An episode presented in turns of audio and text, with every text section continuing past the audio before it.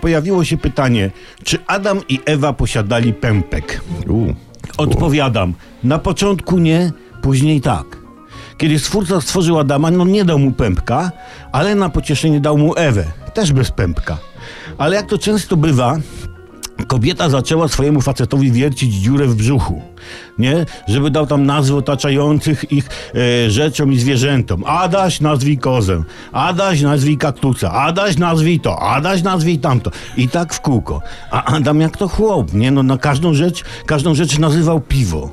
No to Ewa, ty już daj spokój z tym piwem. A, a Adaś, no to zwierzę nazwij ładnie, wychuchol, o. I tak wierciła mu dziurę w brzuchu, aż powstał pępek.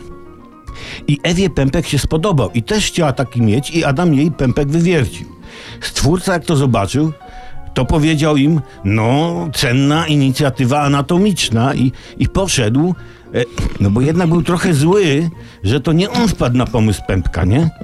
A, ale się rozchmurzył, nie? I mówi do Adama i Ewy, okej, cwaniaczki, fajne macie te pępki, niech już będą, ale żeby wam się, żeby wam nie było za łatwo, nie? To będą wam się tam w pępkach paprochy gromadzić.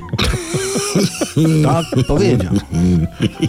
I, I słuchajcie, i później naukowcy odkryli, to jest autentyka. Naprawdę, tak czytałem, że paprochy w pępku mają zawsze odcień niebieski. Sprawdźcie sami. Stój! Nie jak za kierownicą jedziesz. Nie. W pracy, w toalecie sprawdź. No.